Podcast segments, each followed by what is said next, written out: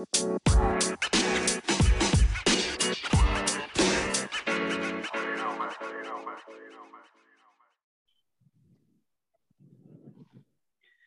og velkommen til en ny episode av Jordbrukspodden.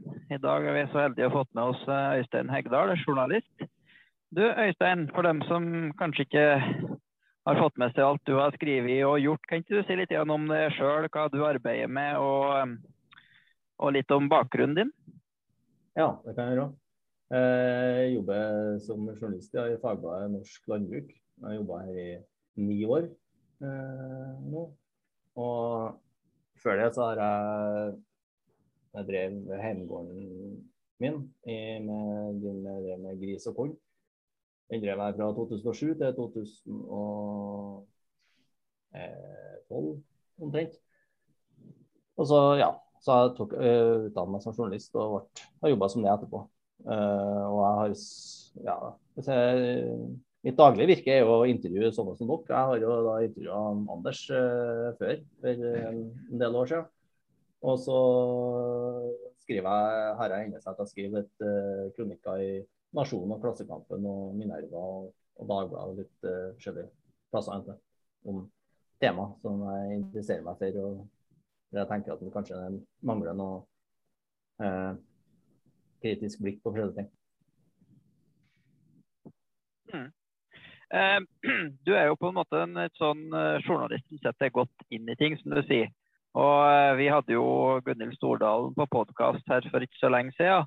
Og du var jo av dem som satte deg ganske godt inn i den rapporten hun kom med, og var ganske kritisk med rette til den i forhold til hvordan den stemte med eh, norsk jordbruk. Kan du si litt om hva, hva, du reagerte på den rapporten sånn rent faglig, sånn som du så det, opp mot eh, eh, norsk jordbruk og jordbrukspolitikk? Uh, altså det Jeg, jeg leste jo det, det rapporten deres ganske fra, fra, start til slutt. Når den kom i, i, i januar-februar 2019, eller noe. Uh, og det er sånn uh, Jeg har mye problem da, med sånne rapporter som dette, for det er jo egentlig bare folk som uh, setter seg til fram et Excel-ark og lager en, uh, en, sånn fantasi eh, om hvordan de ønsker at, håper og tror at verden kan se ut. Og så,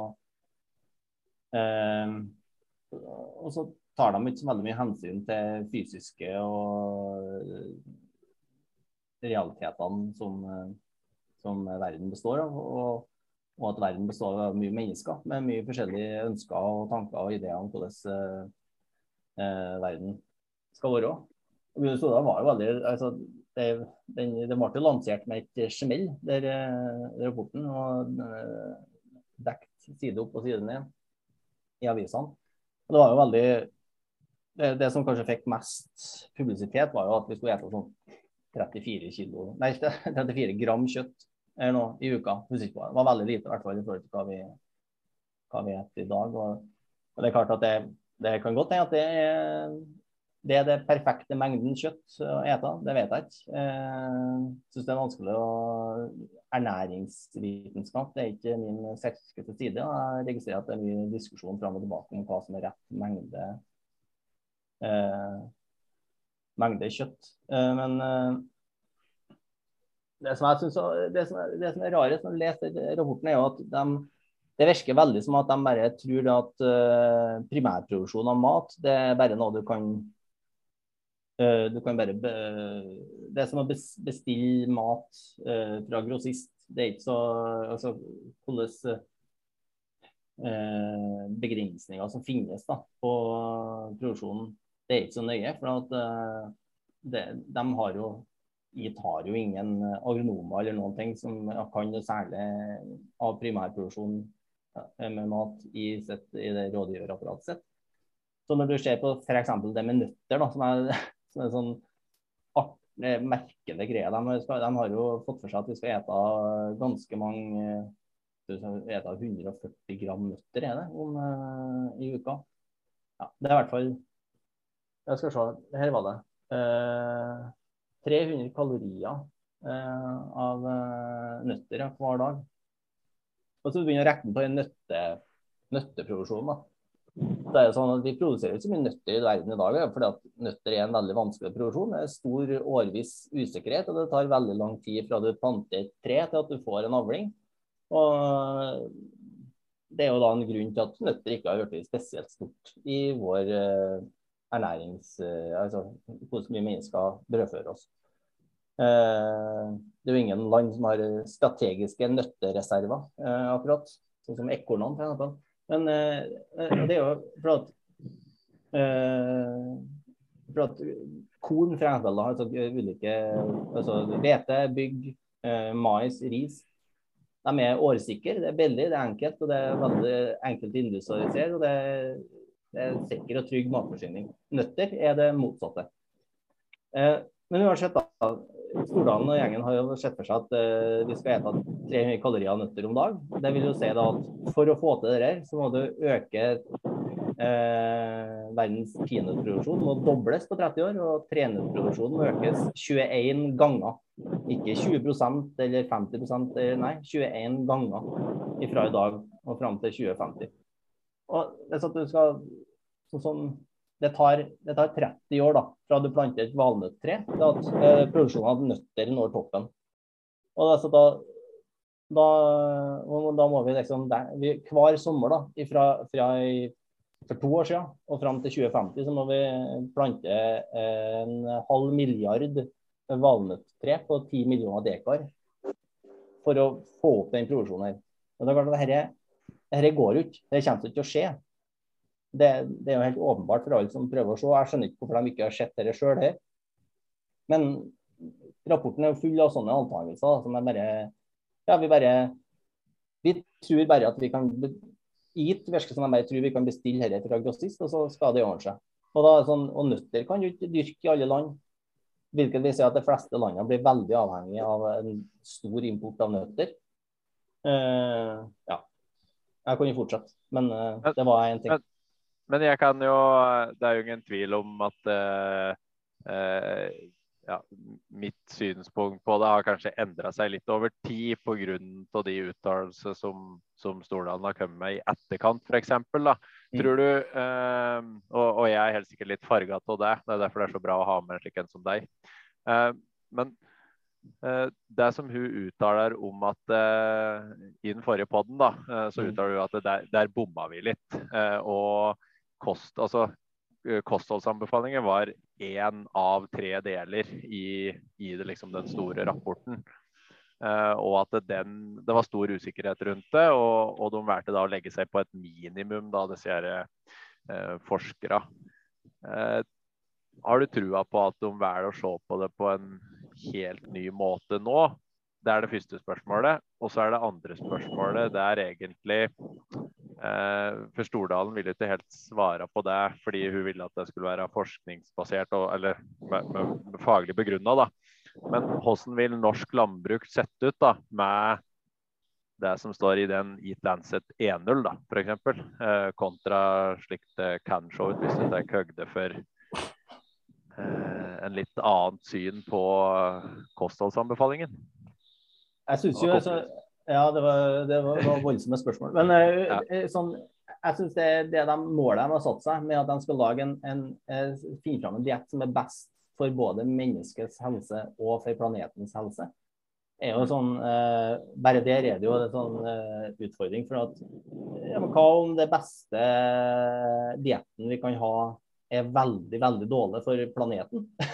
så det vet vi ikke. Eh, vi, vi, vi er snakk om at vi er ni milliarder mennesker innen 2050. Eh, og hit har jo satt opp en sånn veldig en lavanimalsk eh, eh, diett. Som eh, kanskje den er best for menneskene, jeg vet ikke. Kanskje andre mener jo at det er mer skal, at vi trenger å spise mer eh, animalske produkt, produkter. Så jeg, jeg, tviler på at det er en sånn slags sånn jeg tviler på at det er en diett som er perfekt for menneskene og en diett som er perfekt, eh, og den samme dietten er perfekt for planeten. Det, det, det er ikke noen annen avveininger oppi her. Så hva, hva, de finner fram til nå, det, det, vet jeg ikke. Og det er egentlig ikke så veldig nøye heller, for det kommer ikke til å skje, eh, det som Gunhild Stordalen har, eh, har ser for seg. Jeg er jo ikke bekymra for det. Verden kommer ikke til å ete, ha én diett om 50 år. Like lite som vi kommer til å ha én klesstil om 50 år. Nei, om, om, om 30 år.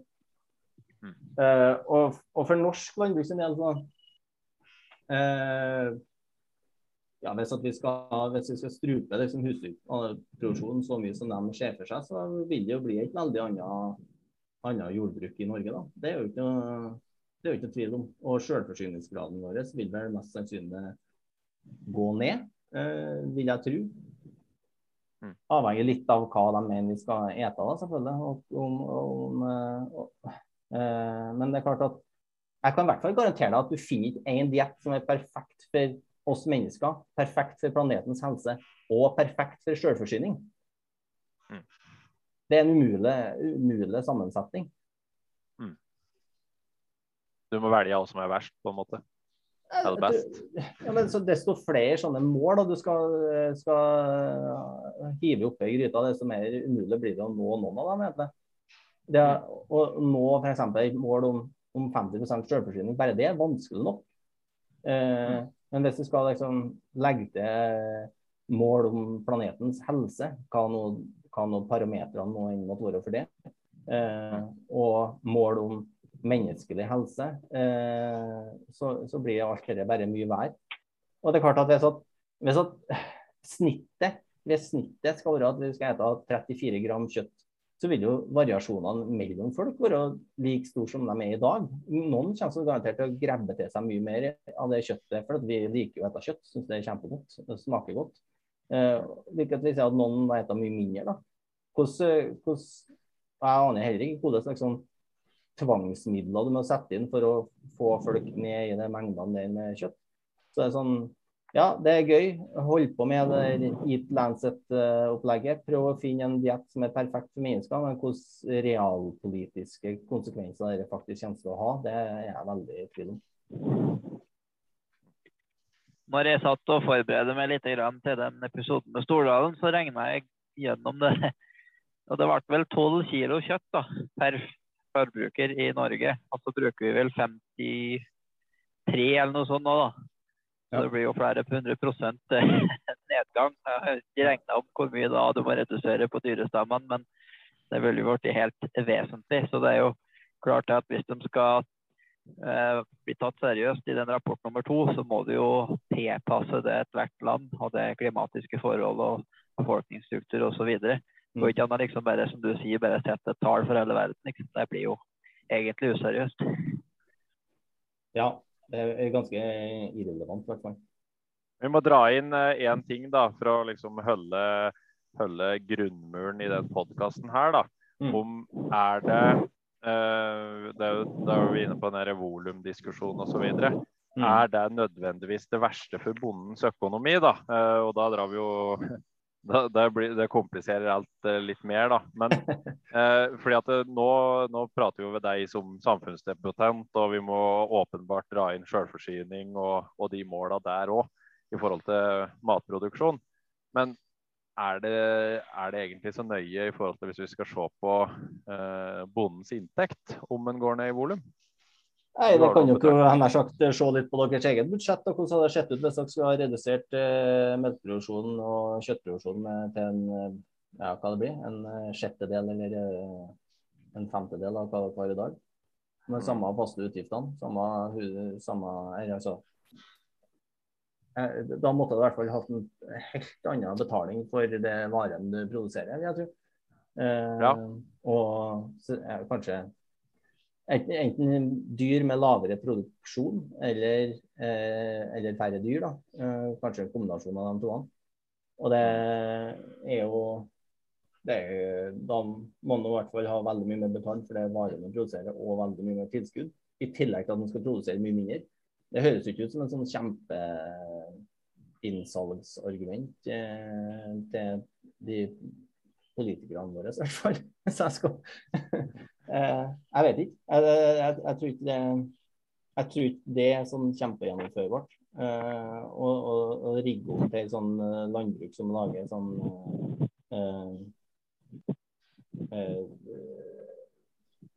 produserer noe som omtrent bare er et luksusprodukt som veldig få har råd til å, å ete.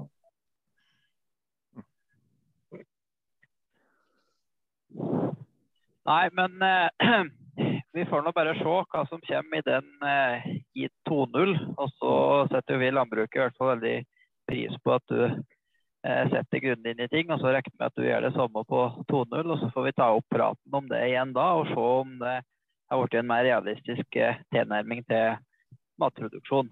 Mm. Du har jo også i det senere skrevet mye om det her med rundup og sprøytemidler, spesielt rundup. da. Mm. Det er jo eh, eh, mange som mener at det her er livsfarlig, skulle jeg til å si.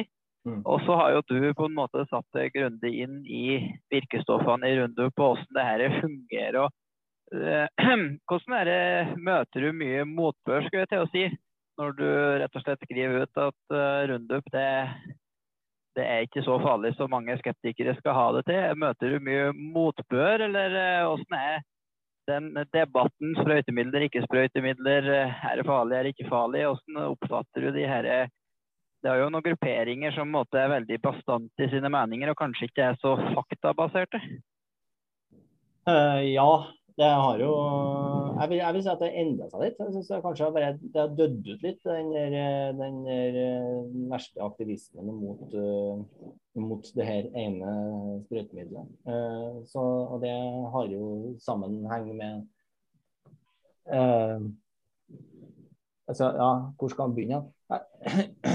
Det hysteri, hysteriet rundt glyfosat eh, stammer jo ifra at eh, de aktivistene som eh, var eh, jobba mot bruken av genmodifiserte planter, eh, egentlig fant ut at det var litt eh, at det ikke var så mye å ta selve de genmodifiserte plantene på. De fant ut at det, det var enklere å gå etter plantevernmidlene som var assosiert med de genmodifiserte plantene. Eh, Og da starta sånn glyfosathysteriet opp rundt ja, 2015-2014, kanskje.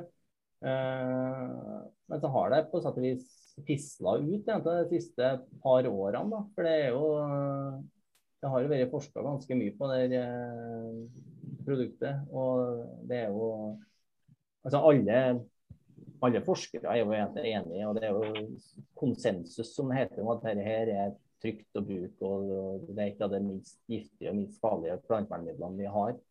Eh, Så det blir jo det etter hvert litt vanskelig å, å være helt eh, Å bare finne sånne anekdoter og enkeltforskere som går fullstendig mot strømmen når det er så massivt, massiv enighet om, om det. da. Mm. Er det noe det med at uh, rundupen på en måte Du ser det så godt, skulle til å si, at det er derfor du har på en måte valgt ut det. Fordi at du, du dreper alt som ligger oppå bakken og som er i, i live. Er det litt derfor at de tar en litt sånn kortsiktig slutning at uh, det her ser veldig ille ut?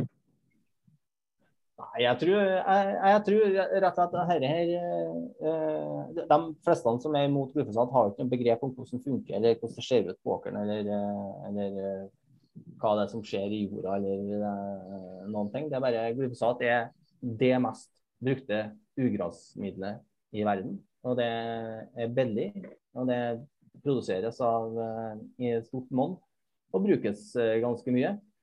Så det er liksom det er, det er, det er bare en sprøytemiddelkjendis.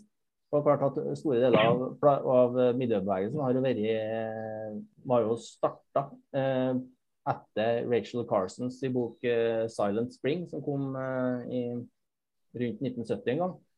Og der, der, jo, der var jo insekt, var insektmidler hun skrev om, da. men eh, plantevernmidler har jo vært, har vært skurken eh, i da 50 år.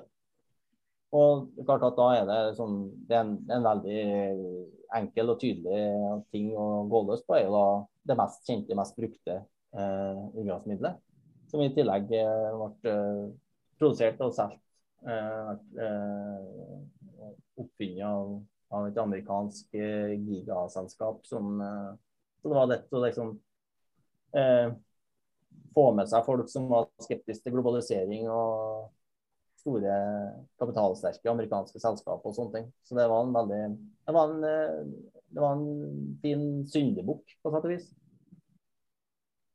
Det var ikke nøye, var ikke så nøye med bruken av det, hva, om det Det var bare at det var veldig, veldig lett gjenkjennbart og, og mest brukt.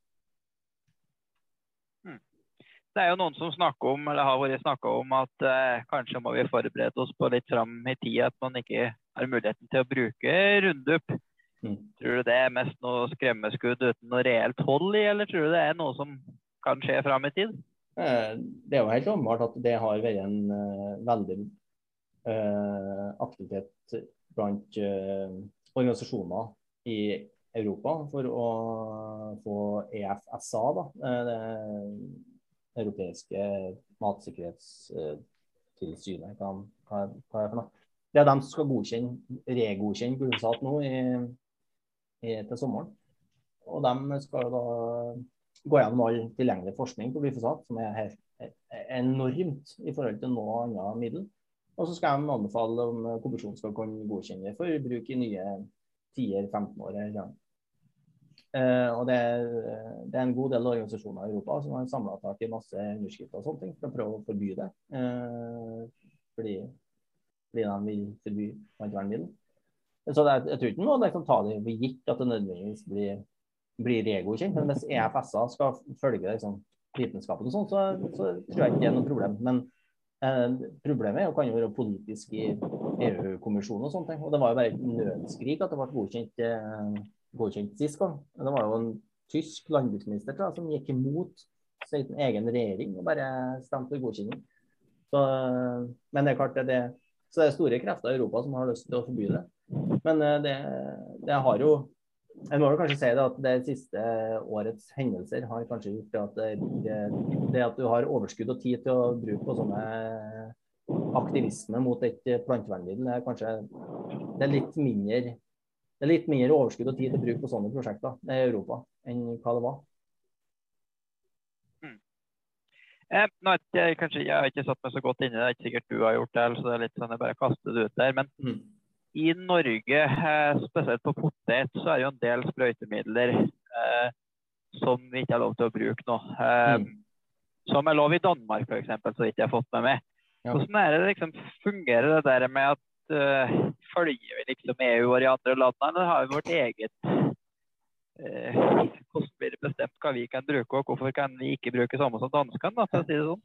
Ja, det har jeg faktisk skrevet om. Uh, og det er jo et problem i raps. Det er jo et problem og flere sånne litt sånn nisjete produksjoner. Så er det en del epler og sånn. Så er det en del virkestoffer som de har lov til å bruke i Sverige og Danmark, som vi ikke har lov til å bruke i Norge.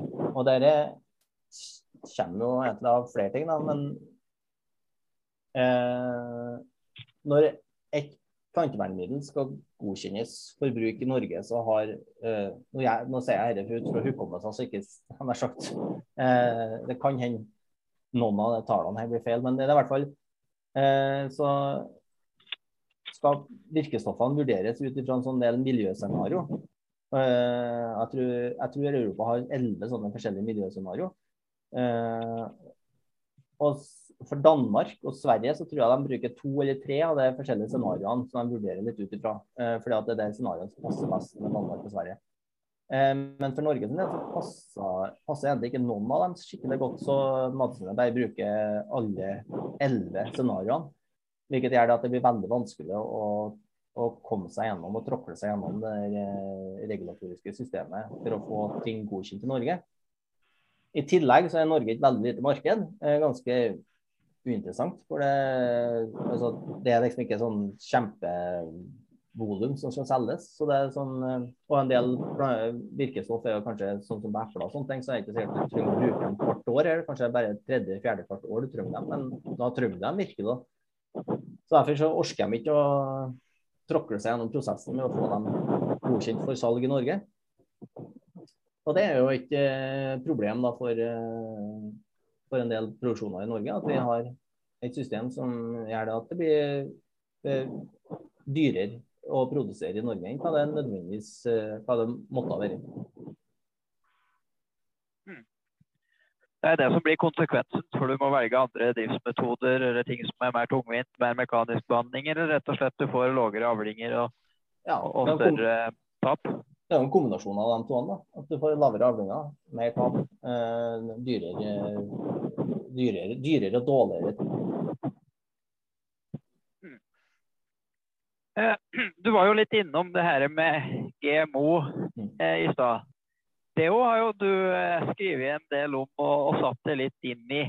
Eh, jeg må bare innrømme at jeg har ikke fått satt meg godt nok inn i det, men kanskje som mange andre så tenker man det at eh, du skal ikke tukle for mye på naturen. Det kan få noen konsekvenser fram i tid som du ikke klarer å, å se akkurat nå. Vi har jo hatt en del, ikke bare en del, mange eksperimenter både på 60- og 70-tallet som man trodde var helt ufarlig, som viste seg å være stikk motsatte.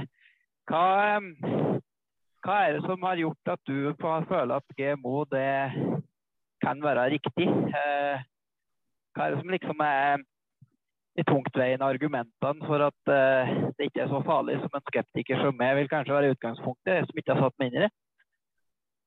Nei, altså Det viktigste der jeg tenker jeg at uh, vi har jo tukla med genene til planter i 15 000 år. Uh, på, det, på, det, på, det, groveste, uh, for å si. Uh, mais var jo så tukla med at vi visste ikke hva mais sin nærmeste ville slektning var før, før nå etter framveksten av moderne DNA-teknologi.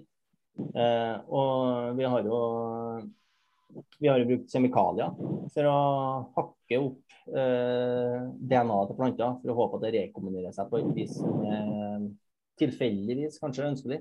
Vi har eh, selvsagt drevet kryssavl. Vi har drivet, brukt radioaktiv stråling for å mutere, få planter til å mutere og lage nye kombinasjoner. Og så har vi prøvd liksom å finne tak i enkelteksemplarer av planter som Oi, her, den her er mutert, og den har ja, si kortere strå, eller den, har, uh, den er sterkere mot sopper, ja. men den har masse uønska egenskaper. Så må vi i lang lang tid prøve å krysse ut det uønska egenskaper, krysse inn den, den, gode egenskapen. Alt dette tar veldig lang tid og er veldig krevende. Men du, du grasserer jo rundt med genene til plantene. Uh, helt sånn, Det er vill vest. Det som er jordskjelv.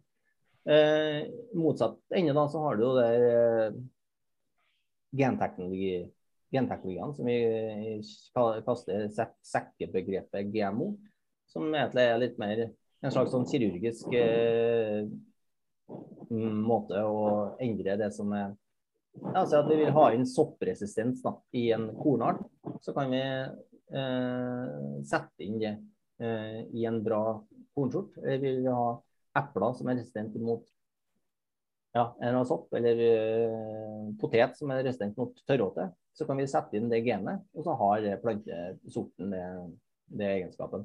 Så det er jo liksom ikke en sånn Vi har eh, herja rundt med plantene sine gener i 15 000 år. og Dette er ikke noe annerledes. Det, om mulig er det bare mindre eh, invaderende og mindre eh, problematisk enn hva vi har drevet med, med, før.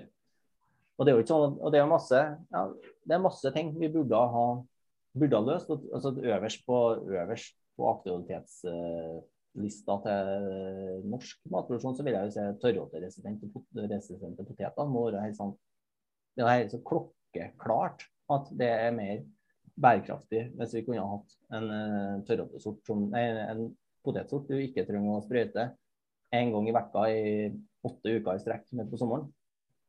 Bare den jobben bare, og den kostnaden er for norske potetprodusenter holder på det er jo helt sinnssykt at de har en potetsort i USA som er resistent mot torrhøte.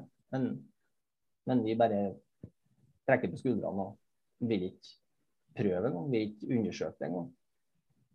Det vil jo bety at vi sparer oss for veldig mye eh, sprøyting med sprøytemidler, da.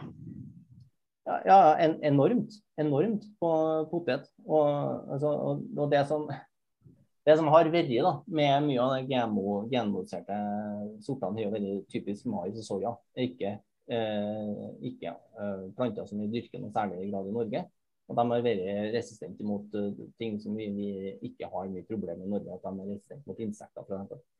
Det er jo ikke, ikke noe store problemer i Norge. Men tørrråteresistent potet er jo helt sånn åpenbar ting vi burde ha, eh, ha gått for. Men i, i mm. stedet så har vi jo da i stedet så har jo landbruket liksom vært helt i front i Norge med å fronte sånn GMO-hysteri. Og jeg har, har hatt en sånn egen Det har vært en egen sånn organisasjon for organisasjoner som heter de het Nettverket for GMO-fri mat og fôr. Før nå heter de bare GMO-nettverket.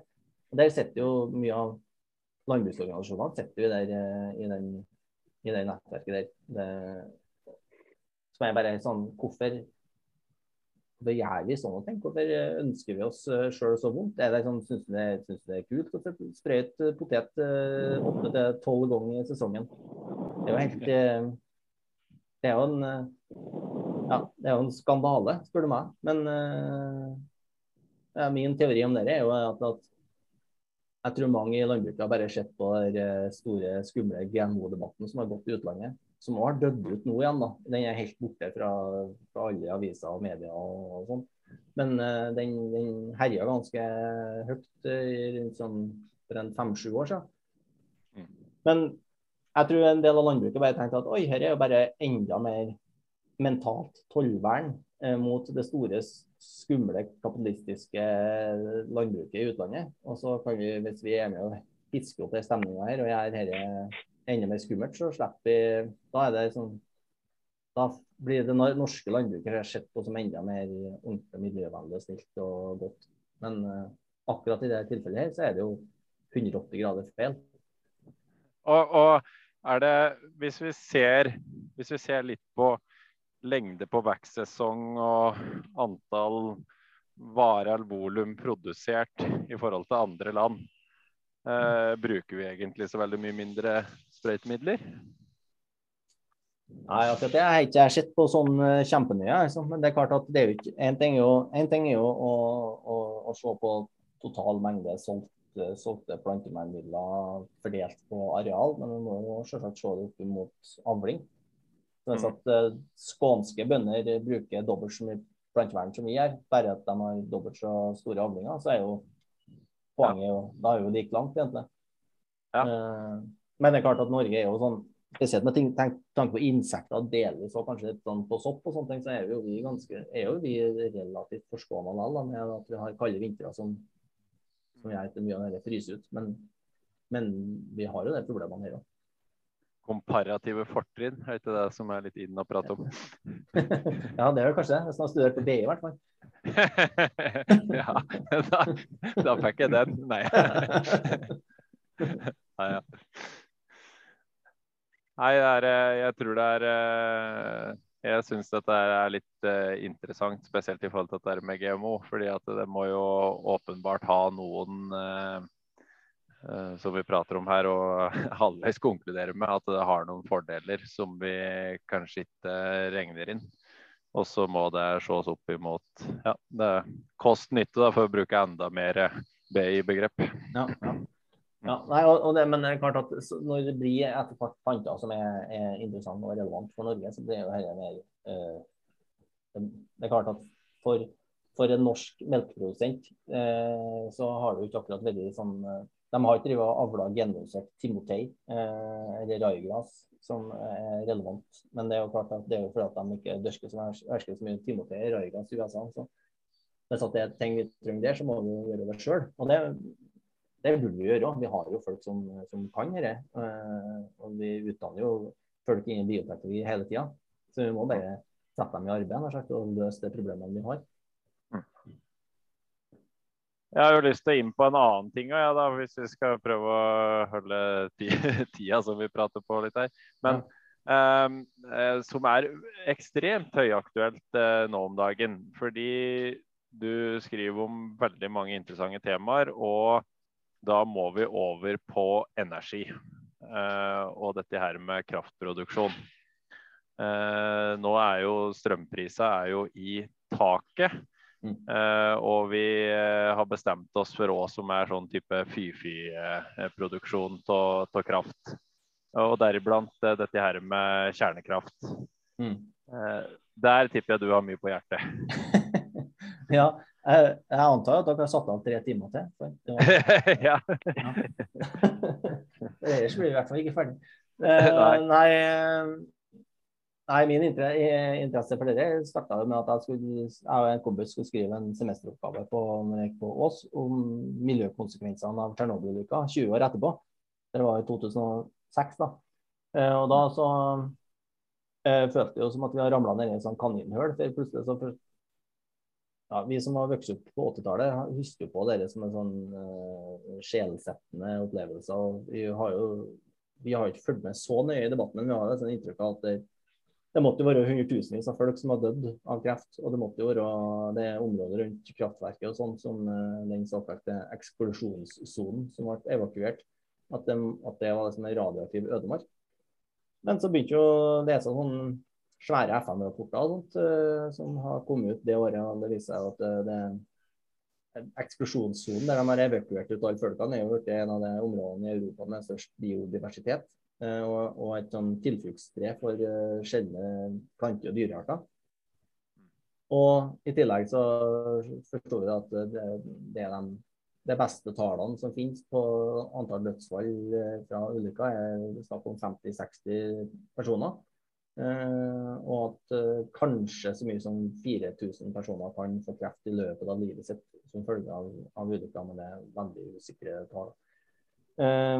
Så det var jo Det var jo veldig sånn eh, Det snudde opp ned på alt det vi eh, trodde. Og jeg, jeg, jeg, jeg, tror jeg Og følelsen av å bli lurt er noe, noe av det jeg liksom det jeg misliker mest. Så jeg ble litt sånn engasjert i å prøve å formidle litt sånn faktabasert kunnskap om den energikilden etter den tida. Og det har jeg jo egentlig bare fortsatt med. Så nå er jeg jo mer i at nå, nå, i siste året så har jo selvfølgelig eh, energikrisa i Europa gjort eh, all, alt sånt ting mer, enda mer interessant. Og det med sagt, eh, at Europa skal bli mer selvforsynt med energi og slippe å være avhengig av eh, russiske gassrørledninger. Eh, det er jo helt åpenbart hvorfor, eh, hvorfor de trenger det. Ja. Hva er det som er utfordringa, da? Hvorfor er det ikke mer Er, er det den derre frykten som gjør at vi ikke produserer mer energi med kjernekraft? Det er jo en kombinasjon av mye forskjellige ting. Da. Men Europa har jo i de siste 30-40 årene eh, ganske sånn enten eh, ignorert kjernekraft eller eh, politisk sett valgt å bygge det ned pga. Stor politisk motstand, i, spesielt i enkelte land. Eh, men sjøl i det liksom mest eh, positive landene, så har det vært kanskje bare det har vært ganske, De har vært ganske uinteressert egentlig, i det. Eh, at folk har jo trodd, som vi trodde før vi begynte å skrive den oppgaven, da, at dette var livsfarlig eh, og veldig problematisk. Eh, eh, hvis at det skulle gå galt. Men det har jo forstått at det er det jo ikke lenger. Og det er jo så det, så Det største problemet er jo at Europa har bygd ned kompetansen og bygd ned industrien sin. Så det må jo bygges på nytt igjen. Eh, og Det er jo ikke gjort over natta. for Det det er jo stor, tung, kapitalkrevende fysisk infrastruktur som må bygges opp. Eh, I tillegg til alle menneskelige kunnskapene. Så det er liksom det, du, det er jo, kommer ikke til å være med å løse denne energikrisa som vi står i akkurat nå. Men eh, men det er, jo, det er, jo, tydelig at det har vært et sånn skifte i Europa. Og når, Sverige, Sverige, har jo akkurat et valg der at eh, de har valgt en regjering som for første gang på mer enn 30 år har liksom gått til 40 år, De har gått til valg på bygging av nye kjernekraftverk og beholde de eksisterende så lenge som, som mulig. Kanskje gjenåpne noen som er stengt. Så det, Hvordan er klimaavtrykket på kjernekraft? Kan du si litt om det? Jeg vet Nei, du har skrevet om det. det er jo veldig lavt. Det er jo sånn eh, det, På enkelte studier så er det kjernekraft og vind, vindkraft det er omtrent det samme, med 12 gram per kilowattime. Og så går det jo gradvis oppover. da, Solceller er på noen 40 gram, tror jeg. Og så har du gass på 500 gram og kullkraft på rundt 1 kilo CO2 per kWt. Så det, kjernekraft er jo blant de mest klimavennlige eh, produksjonene. Og Sverige, og det, det er jo Sverige, Svenske Vattenfall har jo kjørt en sånn eh, livsløpsstudie på sine kraftverk, og de kommer til 2,5 gram CO2 per kWt. Så det er jo liksom det, det er blant de beste i, i klassen. Det er jo et sånn åpenbar, eh, åpenbart svar på klimaproblemet. Ja, for åssen er Hvis vi skal sammenligne energiproduksjon opp mot matproduksjon, og det er vel jeg diskutert litt med Gunhild om at det, vi driver vel egentlig med omdanning av energi. da, Det er jo det vi gjør i landbruket. Mm. Så åpenbart så må jo på en måte problematikken med energi òg være eh, litt like eh, premissholder her. Eh, Ja. Hva var det du tenkte på? Nei, har du noen tanker om liksom, altså, eh, den energien vi benytter oss av for å omdanne til menneskeenergi? da, Mm. er det, det, det, har jo, det er jo veldig avgjørende. Og da tenker jeg jo òg på hvordan f.eks. Ja, kunstgjødsel blir, Ja, sånn, blir produsert, da, Mm. for eksempel. Ja, eh, nei, det er jo eh, Energi er jo kan man si, altså Energi er industrien som driver alle andre industrier, eh, inkludert landbruket. Selv om landbruket er jo primært basert på solkraft, eh, som treffer eh, åkrene deres. Men eh, det går jo masse av energi inn i bl.a. Haber-Bosch-prosessen for å lage, lage kunstgjødsel. Men den kan jo omstilles til å gå på strøm. Eh, og Yara tror jeg stengt sin siste sånn, eh, ammoniakkfabrikk basert på strøm i 92. Det er klart det har ikke gått an å produsere strøm på ammoniakk med strømprisene vi har i Sør-Norge, men kanskje, kanskje det har gått an i Nord-Afør.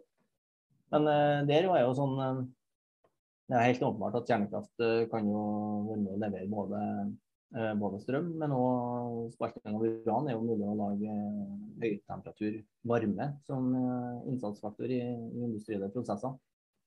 Eh, og det leverer uavhengig av været eh, stort sett året rundt. Og Det er jo noe du trenger hvis du har en ammoniakkfabrikk, så kan du ikke liksom variere eh, fra den med om, det, om vinden blåser i sola skinner. Det må liksom gå jevnt hele tida. Mm. Og og en annen ting som, vi, som med dette opp mot landbruk, er jo der bruken av, av, av matplanter til bioenergi, som, som jeg mener er bare helt eh, hårreisende. Så når folk klager på at vi bruker, bruker På ene sida klager på at vi bruker korn, som teoretisk sett kunne vært brukt til menneskemat, og bruker det til dyrefôr. Selv om det har kanskje for lave kvalitetskrav til å bli menneskemat. Mm. Men at vi da i tillegg bruker mais Jeg tror USA så går vel rundt 40% av maissamlinga med til å lage bioetanol, som er egentlig bare hjemmebrent, eh, som de fyller på, fyller på blander i, i bensin som selges som fylles på tanken. Så 40% av maisen går med til å lage under 10 av, eh, av drivstoffet som går på bilene. Så det er jo en helt sånn av, avsindig eh, praksis som jeg holder på med. Som i mitt hode i hvert fall er en mye viktigere ting å, å slutte med eh, enn å gi eh, krøtter og gris eh, korn som blir til overs etter at vi mennesker har fått vårt. Du, eh, Øystein, du skrev jo litt, jeg husker ikke akkurat når det var, hvor lenge det var siden. Det var vel kanskje litt før den der kostnadseksplosjonen, eller om den var i gang. Um.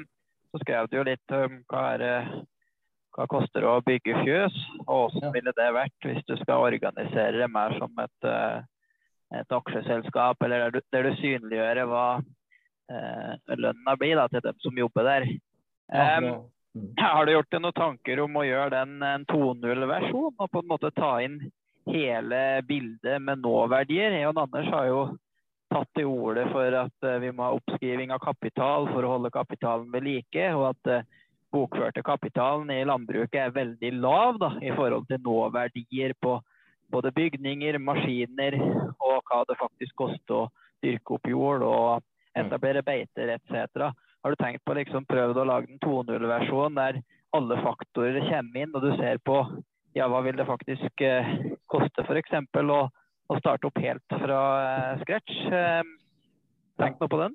Ja, det har jeg. Eh, og det har jeg så vidt begynt litt på. Men eh, for der er jo Jeg må jo eh, si Der er eh, jeg, jeg tror egentlig ikke jeg helt forsto hva dere har masa om i det bonde, i. Jeg har masa om i, i snart to år. Eh, det med sånn der eh, avkastning på egenkapital. Jeg, jeg tror ikke jeg var så tett i nepa at jeg forsto ikke helt det før jeg leste den saken om Håvard i Nasjonen, uh, som driver med melk utpå ut på Ørlandet og kjøper seg gård på åpent marked.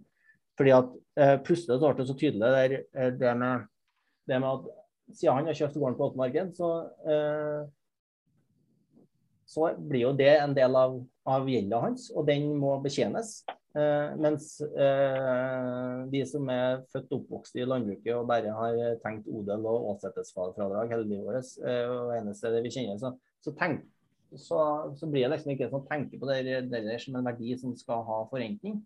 Men plutselig så ble det så veldig tydelig, og da skjønte jeg jo at eh, det regnestykket mitt i AS Fjøs det var jo fullstendig mangelfullt. For det er jo ikke vits å bygge seg et et eh, kufjøs hvis du ikke har eh, så og så mange hundre dekar med jord eh, som skal, som skal forrentes, og, en, og, at du ikke har en gård i utgangspunktet. Så til ditt spørsmål, så ja, det har jeg på blokka. Jeg har ikke, jeg har ikke finregna på det ennå, men det er klart det, det regnes ikke AS-fjøsregnestykke var jo utgangspunktet det var jo for å prøve å finne ut uh, hva må melkeprisen, uh, griseprisen, være for at du kan ta det til timelønn på 300 kroner timen. Men uh, da har jeg jo fortsatt ikke regna med den uh, avkastninga på egenkapitalen, som egentlig var uh, utgangspunktet for, for bondeopprøret. så det, så det er jo eh, litt teit eh, innskjæra i ettertid. Eh, men, eh, så, så, jeg må jo prøve å regne inn det òg. Men eh, jeg har ikke kommet så mye lenger enn å prøve å slå inn noen tall i det regnearket mitt. Men eh, ja, det tar litt tid, merker jeg, å forstå alle de regnskapsøkonomiske tallene. Og, de er, og begrepene er jo så, er så er så vanskelig. Eh, og han har sagt uh, få inn i hodet og få inn under fingrene. At det, det, er, liksom, det er en slags eh, gradvis oppvåkning til å forstå hva dere snakker om. Eh, og ja, det kan jo hende at han ikke følger med så mye i økonomitimen på siste året på landbruksskolen. Det, det tar jeg sjølkritikk på.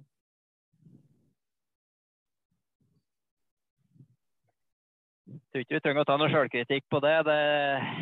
I hvert fall når jeg gikk på, jeg gikk på landbruksskolen, så drev vi og førte regnskap på svære A3-papirark. Og det var jo ti år etter dataen var kommet.